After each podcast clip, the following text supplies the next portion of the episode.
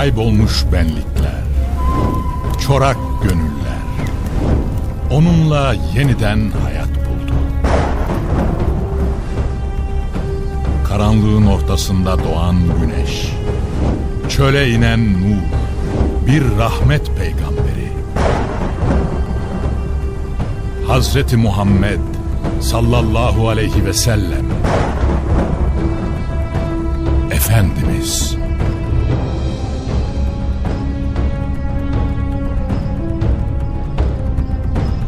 Eser Reşit Haylamaz. Yöneten Yaşar Özdemir. Kurgu Soner Can. Müzikler Brian Keane ve Ömer Faruk Tekbilek. Gönül tahtımızın eşsiz sultanı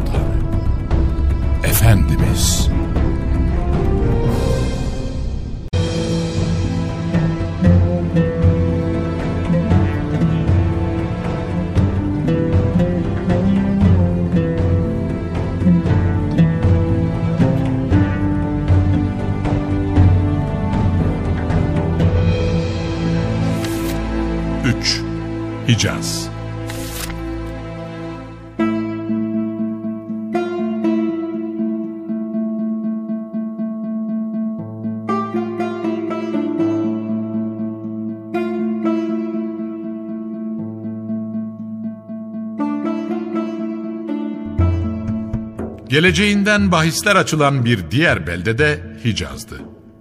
Ağırlıklı olarak toplum cehalete yelken açıp gitse de burada Varaka İbni Nevfel, Zeyd İbni Amr ve Kus İbni Saide gibi ışığa hasret olanlar, yol gözleyenler vardı. Fazilet aşığı bu insanlar etraflarında olup bitenlerden rahatsızlık duyuyorlardı. Ama çözüm adına ellerinden bir şey gelmiyordu. Tek umutları vardı. Allah'ın son nebisi gelecek ve karanlığa kurban giden kalabalıkları içinde bulundukları karanlıktan tutup çıkaracaktı. Tevrat ve İncil başta olmak üzere belli başlı kaynaklara ulaşmışlar ve buralarda kendilerini kurtaracak son nebinin özellikleriyle karşılaşmışlardı.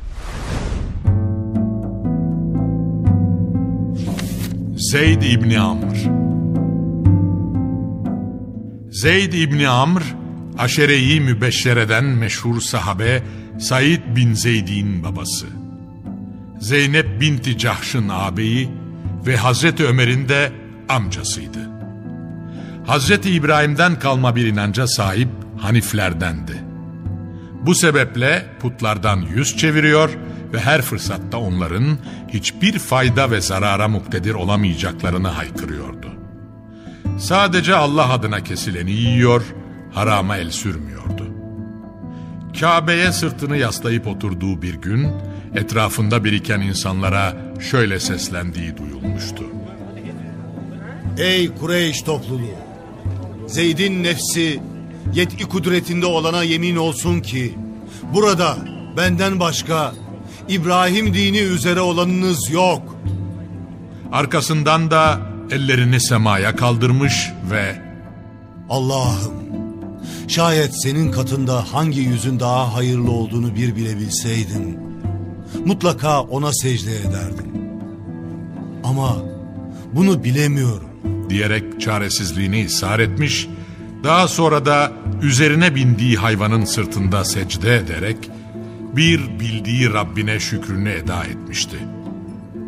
Putlarla kuşatılmış çevrelerinin yoğun baskılarından kurtulma ve inançları adına yeni yüzler bulmak için bir gün kendisi gibi bir muvahhid olan Varaka İbni Nevfel, Osman İbnül Huveyris ve Abdullah İbni Cahş'la birlikte yola koyulmuş ve Mevsil'deki bir rahibin yanına gelmişlerdi. Rahip Zeyd'e döndü ve Ey deve sahibi! Nerelerden geliyorsun? diye sordu. İbrahim'in inşa ettiği binanın olduğu yerden. Cevabını verdi. Ne arıyorsun? Neyin peşindesin? diye maksadının ne olduğunu sorunca da Zeyd İnancımı yaşayabileceğim sağlam bir din arıyorum. cevabını verdi. Rahip şaşkınlık içindeydi. Gerçekten din arayanların gözlerini diktikleri beldeden birileri geliyor ve buralarda başka bir din arıyorlardı. Gerçekten bu şaşılacak bir durumdu. Derya içre deryada olsalar da bazen suyun kadrini bilemeyenler olabiliyordu. Ancak hakperest olmak gerekiyordu ve rahip Zeyd'e yönelerek Geri dön. Zira beklediğin senin geldiğin yerde zuhur etmek üzere. deyiverdi.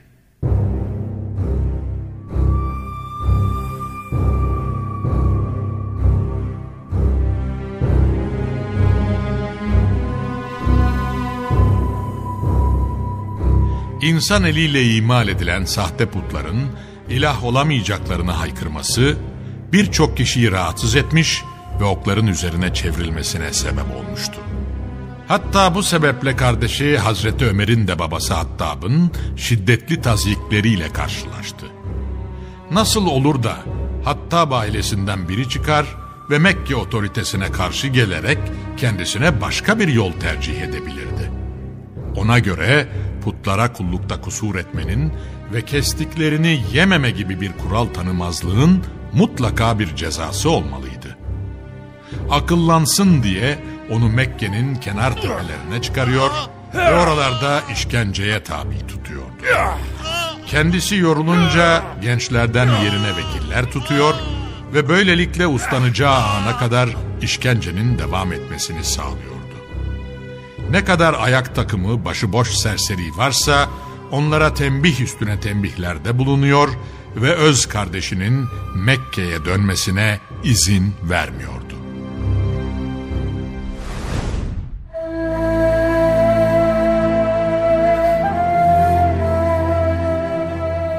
Artık Zeyd Mekke'ye ancak gizli gizli gelebiliyordu. Farkına varır varmaz derdest ediyor ve dinlerini bozacak veya birilerini de arkasına takacak diye hemen Mekke'den uzaklaştırıyorlardı. Zira o her fırsatta secdeye yöneliyor ve şöyle haykırıyordu. Benim ilahım İbrahim'in ilahı. Dinim İbrahim'in dinidir. Cahiliyenin olumsuzluklarından o kadar sıkılmıştı ki yeni yeni arayışlar içine girdi. Önce Yahudilerle oturup onların inançlarını benimsemek istedi ama onların inançlarının da kendisini tatmin etmeyeceğini görmüştü. Ardından Hristiyanlığın peşine düştü. Ama kısa sürede burada da aradıklarını bulamayacağına karar verdi. Derken bir gün kendisi gibi İbrahim aleyhisselamın dini üzerine yaşayan bir Hanif bulabilmek ümidiyle doğduğu beldeyi terk ederek Şam taraflarına yöneldi. Ehli kitap arasında sora sora aradığını bulabilmek için Mevsil ve Ceziretül Arab'ı dolaştı. Ancak gönlünü teskin edebilecek bir merci bulmaktan yoksundu. Nihayet Şam'a geldiğinde kendisini bir rahibe yönlendirdiler. Maksadını ona da anlattı Zeyd. Rahip de boş değildi. Maksadını anlamıştı ve Zeyd'e şöylece nasihat etmeye başladı. Sen bana öyle bir dinden bahsediyorsun ki bugün o dini yaşayan birisini bulmaya imkan yoktur. Sen İbrahim'in Hanif dinini arıyorsun. O ne bir Yahudi ne de bir Hristiyandı.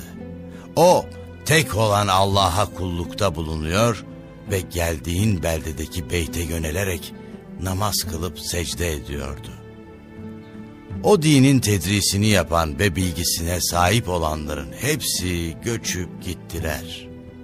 Ancak beklenen bir nebi var ki onun gelme vakti çok yakındır. Sen kendi beldene git ve orada bekle.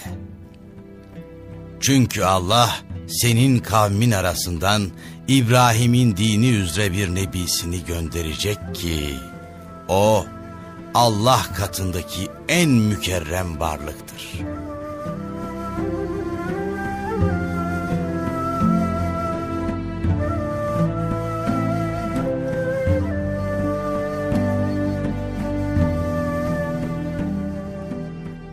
tarifler Zeyd'in geldiği Mekke'yi gösteriyordu. Ne ilginçti ki aradığını bulabilmek için terk ettiği yere arayıp da bulamayacağı müjdelenen Nebi gelecekti. Vakit geçirmeye gerek yoktu ve hemen geri yola koyuldu. Şam Yahudi ve Hristiyanları Zeyd'in bu hal ve davranışlarından hoşlanmamışlardı. Öyle bir noktaya gelmişti ki yolunu kestiler ve Zeyd'i aradığını bulamadan hunharca öldürdüler. O, gelecek son nebiye inancı tam olmasına rağmen tuluğa beş kala gurub edecek ve beklediği mutlu anı göremeden yola revan olacaktı. Dilinde şunları tekrar eder dururdu. Ben bir din biliyorum ki onun gelmesi çok yakındır. Gölgesi başınızın üzerindedir. Fakat bilemiyorum ki ben o günlere yetişebilecek miyim?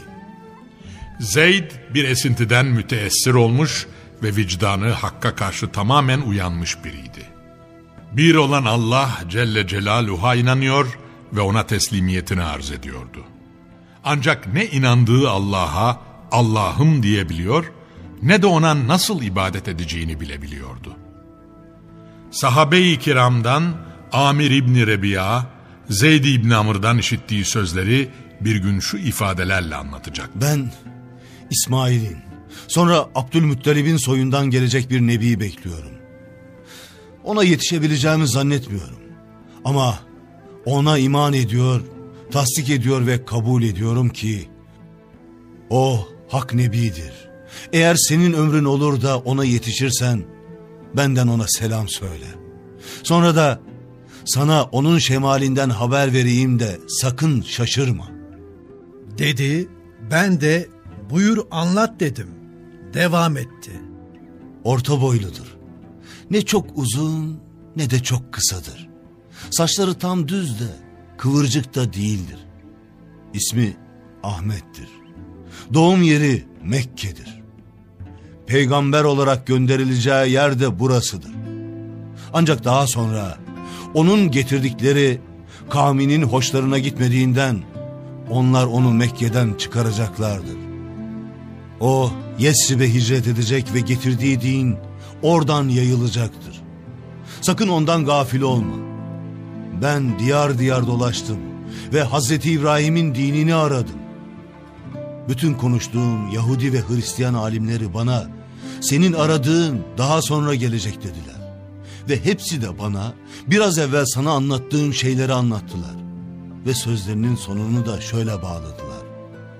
O son peygamberdir. Ve ondan sonra da bir daha peygamber gelmeyecektir.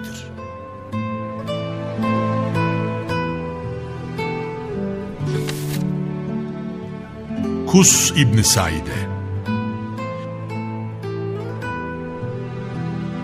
Kus İbni Saide'yi Ukaz Panayırı'nda Kızıl Devesi'nin üzerinde halka seslenirken tanıyoruz. Yüz yaşını geçmiş İyyad kabilesinin reisi bu ihtiyar, gözünü geleceğe dikmiş ve gelecek olan Nebi hakkında insanları bilgilendirmekte ve ruhlarına tesir edecek ifadeleriyle onları imana hazırlamaktadır. Ukaz Panayırı'nda Kızıl Devesi'nin üzerine çıkmış, insanlara şöyle seslenmektedir. Ey insanlar! Hepiniz bir araya gelin. Giden herkes gitmiştir. Her gelecek de mutlaka gelecektir. Karanlık gece, burç burç gökyüzü, dalga dalga deniz, göz alıcı yıldızlar, kameti bayla yüce dağlar, akıp giden nehirler. Hiç şüphe yok ki semada yeni bir haber var. Şüphesiz yerde de ibretlik olaylar. İnsanlara şöyle bir bakıyorum da gidiyorlar ama hiç geri gelmiyorlar. Gittikleri yerde kalmaktan memnunlar da mı orada kalıyorlar? Yahut bırakıp gidiyorlar ve orada uykuya mı dalıyorlar? Allah'a öyle bir kasem ederim ki bundan hiç şüphe yok. Allah katında öyle bir din var ki o din sizin bu dininizden ona daha sevimli.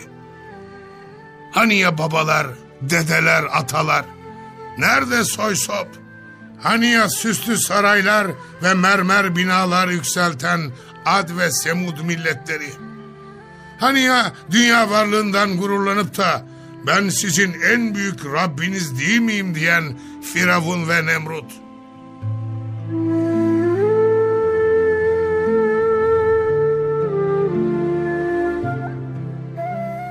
Onlar zenginlikçe, kuvvet ve kudretçe sizden çok üstündüler.